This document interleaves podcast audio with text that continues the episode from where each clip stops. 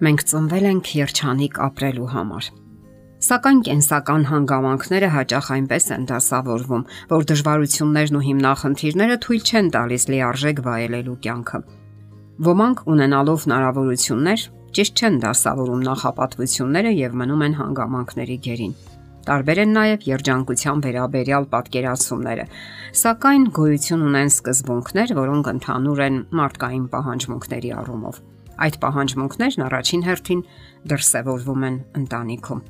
Ընտանիքն այն տարածքն է, որտեղ կինը կարողանում է լավագույն ձևով դրսևորել իր մարդկային ու կանացի հոգևոր, հուզական ու ֆիզիկական պահանջմունքները։ Սակայն որոշ կանանց անձնական կյանքն այնպես չի դասավորվում, ինչպես իրենք կցանկանային, եւ դա դառնում է անձնական ողբերգություն։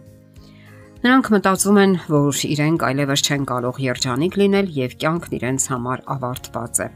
բայց արդյոք դա այդպես է։ Ահա մի կնոջ պատմություն, որը կարող է լավագույն օրինակ ծառայել, թե ինչպես կարելի է երջանիկ լինել եւ չչարանալ կյանքի դեմ, մեղադրել բոլորին եւ հանգամանքներին եւ արդյունքում դժգոհել ու տարապել։ Մեր պատմության հերոսը Բիանկա Ռոշչայլն է։ Նա ուներ բոլոր պատճառները կյանքի վրա չարանալու եւ հիասթափվելու համար։ 16 տարեկան էր, երբ սկսվեց երկրորդ համաշխարհային պատերազմը, եւ միայն 6 տարի հետո ողջվեց, որ նա իրենց ընտանիքի միակ անդամն է, որին հաջողվել է փրկվել այդ ողջ թողուբոհից։ Իրենց ողջ ընտանիքը զոհվել էր համակենտրոնացման ճամբարում։ Նա ինքը խիստ դուժել էր շուրջ կալներից մեկի ժամանակ, կոտրված կողեր եւ ձեռք ջարդված ոտք եւ վնասված մեջք։ Ահա դաժան ծեծի արդյունքը։ Մինչև օրս նա հարկադրված է հատուկ կորսետ կրել։ Այդ դեպքից հետո օթային ռմբակոծություններից մեկի ժամանակ նա դուրս է փախչում ապաստարանից, որպիսի մահանա, սակայն երբ կենթանի է մնում, շատ է ցանկանում իմանալ, թե ինչ դիտավորություններ ունի Աստված իր կյանքի հանդեպ Եվ ահա մի օր գրքերից մեկում նա այսպիսի տողեր է կարդում. Մենք իրավունք ունենք ուրախանալու այն բանով, որ կարող ենք տալ, իսկ ուրիշները ուրախանան դրա համար։ Մենք կարող ենք կիսվել նյութական բարիքներով, բարոյական օժանդակություն ցույց տալ։ Մենք կարող ենք բարեկամաբար լսել ուրիշներին եւ ամենակարևորը՝ ապարգևել մեր սերը։ Մեր պատմության հերոսը Բիանկան գիտակցում է, որ ինքը ընտրություն ունի Նա կարող էր իր մնացած ողջ կյանքում խղճալ իրեն, բողոքել ու գանգատվել ճակատագրից, ատելության ու չարության հոգի փայփայել իր մեջ, սակայն կարող էր ընտրել նաև բարության ու սիրո ուղին եւ մոռանալով իրեն ծառայել ուրիշների կարիքներին ու հոգսերին։ Եվ նա այդ գիշեր աղոթում է Աստծուն. Թանկագին Տեր, օգնիր ինձ անցնելու այս ծանր փորձությունները, եւ ես խոստանում եմ անկեղծ ու սիրող ծառայության նվիրաբերել իմ կյանքը։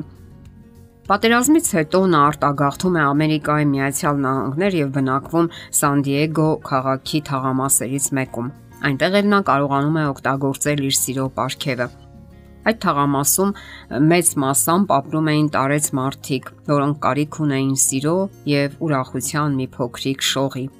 Երբ նրանցից մեկը հիվանդանում էր, Բիանկան նրան պայծառ բացիկ էր ուղարկում, առողջանալու մաղթանքներով եւ հետեւյալ ամփոփող մակագրությամբ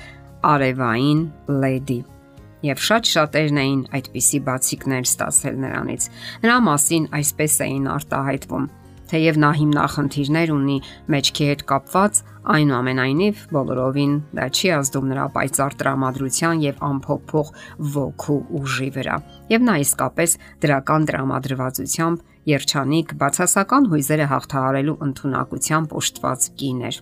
Իսկ ինչպիսին են այսօր մեր կանայք։ Արդյոք կարողանում են հաղթահարել բացասական հույզերը, չնայած կենսական դժվարություններին եւ հիմնախնդիրներին, որովհետեւ դրանք այն քամիներն ու հողմերն են, որոնք շեղում են կենսական ուղուց։ Ընտանեկան հիմնախնդիրները, աշխատանքային դժվարությունները սպառնում են խութերին եւ ժայռին խփել կյանքի նավը։ Իսկ արդյունքում դժգոհություններ, չարություն եւ խոսքեր, որոնց համար հետագայում զղջում են։ Սիրելի կանայք, ճիշտ ընթացքի մեջ պահեք ձեր կյանքի նավը։ Ապրեք այնպես, որպես թե ձեր կենսական ուղին հենց նոր է սկսվել Հայ կանանց մեծ մասն ունի թե ընդհանուր եւ թե միայն իրեն հատուկ հիմնախնդիրը։ Դժգոհություն ամուսնությունից, տնտեսական ու կենցաղային հիմնախնդիրներ, ուշադրության պակաս, ամուսնու բացակայություն, գումարային հիմնախնդիրների պատճառով եւ այլն։ Փորձեք քայլ առ քայլ լուծել հիմնախնդիրները։ Մի կենտրոնացեք այդ հիմնախնդիրների վրա միայն ողփալով եւ ոչինչ չձեռնարկելով։ Պահեք դրական տրամադրվածությունը Ոչ միայն օգնություն սпасեք, այլև ինքներդ երանդուն օգնեք ուրիշներին։ Բարձրացրեք ձեր մասնագիտական ունակությունները։ Եթե դեռևս չունեք կոնկրետ մասնագիտություն, կարող եք ձեռք բերել այն։ Ոչ մի տարիքում էլ դա ուշ չէ։ Կան խորհուրդներ, որոնք կօգնեն ձեզ ազատվելու հուզումներից եւ դեպրեսիայից, սթրեսից։ Դրանցից մեկը զբոսանքին ու հանգստին է վերաբերում։ Պետք չէ կենտրոնանալ միայն աշխատանքի վրա ձեզ նաև հանգստանալ է հարկավոր։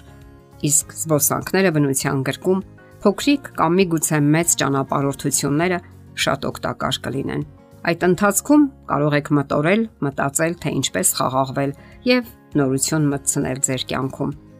Ամուսնու հետ համատեղ կարող եք մասնակցել ընտանիքի կառուցողական ծրագրերին, եւ դուք ձեզ ավելի հանգիստ կզգաք եւ քիչ կտրվեք բացասական մտքերին Դե իսկ եթե դուք միայնակ եք, ապա սեփական վաստակը պարզապես անհրաժեշտ է։ Կարող եք նաև մասնակցել կամավորական հասարակական աշխատանքների, որոնց կարիքը այսօր առավել քան երբևէ կա։ Դե ինչ, պետք չէ կանգնել տեղում։ Շարժվեք առաջ եւ երջանկությունը չի ուշանա։ Եթերում ընտանիք հաղորդաշարն է։ Հարցերի եւ առաջարկությունների համար զանգահարել 033 87 87 87 հեռախոսահամարով։